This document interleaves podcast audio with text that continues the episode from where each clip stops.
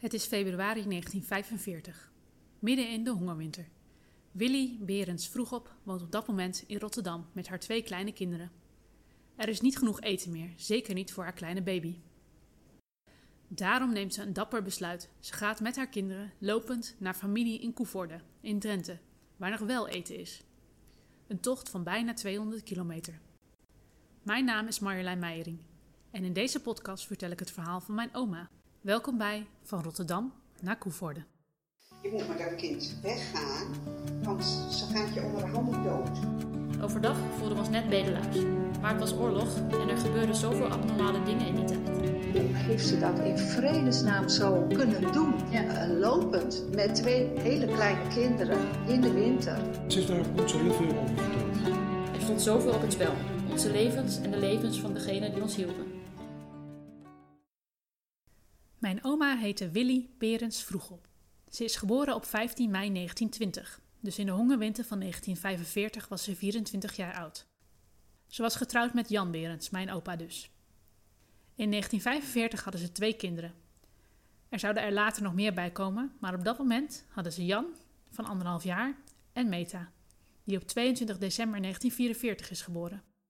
Meta was op dat moment dus een baby van twee maanden oud.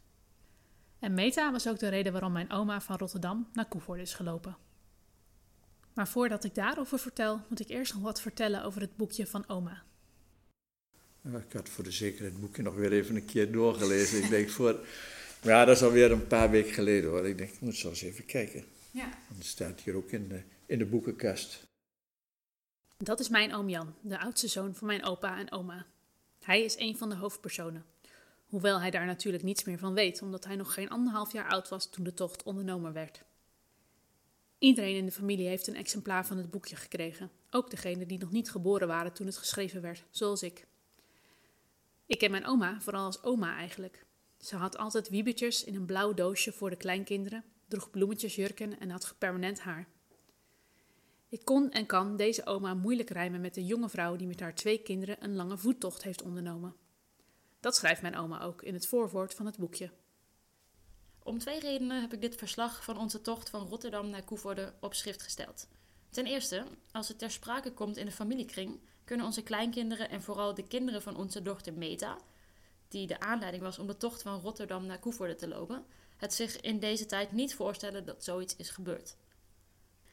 De tweede reden is dat mijn man Jan er steeds op aangedrongen heeft het verslag van deze tocht op te schrijven, voordat ik het me allemaal niet meer weet te herinneren. Dus nu, na bijna 40 jaar, heb ik dit relaas van onze tocht opgeschreven voor onze kinderen en kleinkinderen. Het is dan eh, 1984 en dat is nog twee jaar voordat ik geboren ben. Een van de andere hoofdpersonen in het boekje is mijn tante, tante Meta, de oudste dochter van mijn opa en oma. Ze was twee maanden oud toen mijn oma op weg ging, dus zij weet er zeker niks meer van. Mijn oma schrijft in het boekje in redelijk nuchtere bewoordingen over mijn tante, haar kleine baby. En dat is eigenlijk gek, want het ging niet goed. De baby groeide niet. Daarom krijgt ze het advies van de huisarts om naar familie te gaan, waar nog wel eten is. Dat blijkt echter een veel dwingender advies te zijn dan mijn oma in het boekje heeft opgeschreven. Maar jij hebt me verteld dat het was omdat de huisarts tegen oma had gezegd van... Ja, dat, eh, de huisarts heeft in de tijd gezegd, je moet met dat kind weggaan, want ze gaat je onder de handen dood. Ja. Ik was natuurlijk vijf pond en eh, mama had geen, geen voeding voor mij. Ze hadden een, een soort neppoeder, dat noemden ze balsempoeder. Ja. Dat staat ook in het boekje. Ja. En eh, ja, dat was wel een hele, hele moeilijke beslissing. Dat ze dat toen deden. En Jan was natuurlijk anderhalf. Dus die kon, lopen. Daar hadden ze nog wel een appeltje. En wat, wat eten hadden ze gespaard voor onderweg. Maar voor mij was er natuurlijk niks. Want ik heb natuurlijk, ja, verder in het verhaal hoor je wel heel veel gehuild. Ze gaat je onder de handen dood. Het zal je maar gezegd worden. Ik heb inmiddels zelf twee kinderen en ik kan me daar moeilijk wat bij voorstellen hoe dat is geweest en hoe het kan dat mijn oma er zo nuchter over heeft kunnen schrijven. Mijn opa en oma hebben later nog meer kinderen gekregen.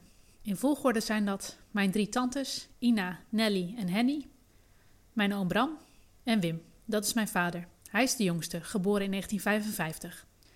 En nog weer later hebben ze ook nog een pleegkind in huis genomen. Dat is mijn oom Peter. Mijn tante Henny heeft een beetje hetzelfde gevoel als ik. Hoe doe je dat met twee kleine kinderen? Als wij er naar vroegen, dan vertelde ze er wel iets over. Maar als kind heb je daar eigenlijk niet zo heel veel belangstelling voor. Pas toen ik volwassen was en zelf kinderen had, eh, toen dacht ik van, hoe heeft ze dat in vredesnaam zo kunnen doen? Ja. Eh, lopend, met twee hele kleine kinderen in de winter. Weliswaar met, wel met die twee andere dames, maar ik zag dat dan voor me, dat, zoals zij dat dan ook omschrijft, van eh, de luiers hingen overdag droog te wapperen. Ik denk, ze, had, ze hadden natuurlijk niks bij zich. Moest allemaal eh, maar in een beetje water schoongemaakt worden en hup, weer door de volgende dag. Dus dat soort vragen heb ik haar wel gesteld. Maar naarmate ik dus eh, ouder werd, dacht ik van ja, begon ik me er meer voor te interesseren. Maar heel erg veel meer als wat zij dus in het boekje beschreven heeft, heeft ze niet verteld. Eh, in het boekje schrijft ze, eh, schrijft ze het heel nuchter op. Ja, vind ik ook. En eh, dat, dat heb ik haar wel gevraagd. Ik zeg, mama, ik zeg, hoe was dat dan? Hoe was dat dan voor u als, om afscheid te moeten nemen van papa? Je weet niet hoe, hoe dit avontuur zou aflopen. En eh, ik, daar, da- daar schrijf je heel eh, nuchter over. Alsof het, alsof het over iemand anders gaat haast. Ja. Zeg maar, daar had je toch ook wel gevoel bij om dit te ondernemen. Ja, ja, zei ze, ja, dat had ik ook wel. Maar ja, ze zegt, ik had geen andere keus. De huisarts heeft tegen mij gezegd, als ik in Rotterdam blijf wonen, dan eh, gaat je dochtertje dood. Zo, zo zwart-wit heeft hij het niet gezegd, maar daar kwam het in feite wel op neer. Dus eh, ze zegt, ik had geen andere keus, dus, dus we moesten wel. Nou ja, toen hebben ze dus dit plan beraamd en zijn ze gegaan. Mijn oma ging dus op hongertocht. Zo heette dat. De mensen uit de steden gingen naar het platteland om daar proberen eten te krijgen. Dat advies kreeg mijn oma ook van de huisarts. Ga naar familie, waar nog wel eten is.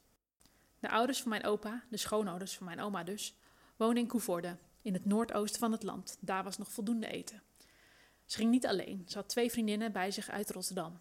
Ze hadden drie kinderwagens bij zich. Eentje voor Jan, eentje voor Meta en eentje voor het proviant en de kleren. En voor wie zich afvraagt, waar was haar man dan? Mijn oma schrijft dan heel nuchter. Mijn man Jan kon niet mee, want hij moest eigenlijk voor de Duitsers werken, maar hij heeft zich al door schuil kunnen houden. Als ze hem gevonden hadden, was het niet best met hem afgelopen. Dat klopt, zegt tante Meta.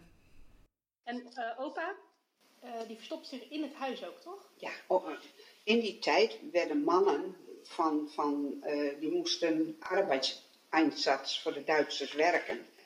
Is ondergedoken in dat huis waar ze woonden. Mijn tante Henny heeft een videoband uit de jaren 90 opgeduikeld, waarin mijn opa en oma aan een schoolklas vertellen van de tocht. De geluidskwaliteit is niet heel best, maar hier hoor je mijn oma over hoe mijn opa zich verstopt heeft. In november 1944 is er in Rotterdam een grote razzia geweest op mannen van 18 tot 35 jaar. Die moesten dan werken in Duitsland. Mijn man was toen 31 jaar en heeft zich verstopt en is eraan ontkomen. Maar het gevolg was wel dat hij zich nergens meer vertonen kon en moest onderduiken. En dan is er nog een klein mysterie: de twee vriendinnen van mijn oma. Jans Kok Kalkman en haar zus, Ati Kalkman. Ze zijn niet te vinden op internet, maar als ze dezelfde leeftijd als mijn oma hadden, dan zouden ze inmiddels over de 100 jaar zijn. Mijn tante Meta kent ze niet. Ja, er waren twee zussen, maar die woonden daar ook vlakbij opa en Ja, oma. dat waren denk ik In vier Kralingse vriendinnen of zo. Veer. In Ja. Kralingse Veer woonde die ook. In ieder geval die mevrouw Jans Kok. Ja. Die woonde wel vlakbij eh opa en oma. Want je moet natuurlijk nagaan, die wilde ook graag naar het oosten van het land om hier vandaan ook voedsel mee te nemen. En ook tante Henny zegt het niks. Nee, ken ik helemaal niet. En daar heeft het ook nou, niet echt veel over gehad na die tijd. Mijn oma en opa zijn inmiddels al bijna 20 jaar geleden overleden, dus ik kan het ze helaas niet meer vragen. Oom Jan denkt dat het meer een gelegenheidscoalitie is geweest. Ik denk dat dat eh, meer uit nood geboren was Ja. vanwege de honger. En mijn moeder ging dus deze kant op. En, eh, maar die durfde dat denk ik niet alleen. Het was trouwens ook niet verantwoord. Dat kon ze ook niet met de twee kinderen. Nee. Dat ze die twee vrouwen eigenlijk eh, nou ja, met de belofte van jullie krijgen genoeg te eten voor de terugreis. hè, dat ze op die manier eh, die vrouwen mee heeft eh, gekregen. Ik zal er nog eens een zoektocht aan wijden. Die twee dames uit Kralingse Veer moeten toch te vinden zijn. Of in ieder geval hun familie. Op 26 februari 1945 gaan ze dan van start en lopen ze het eerste stuk van Rotterdam naar Oudewater. En hoe dat ging, hoor je in aflevering 2 van Van Rotterdam naar Koevoorde.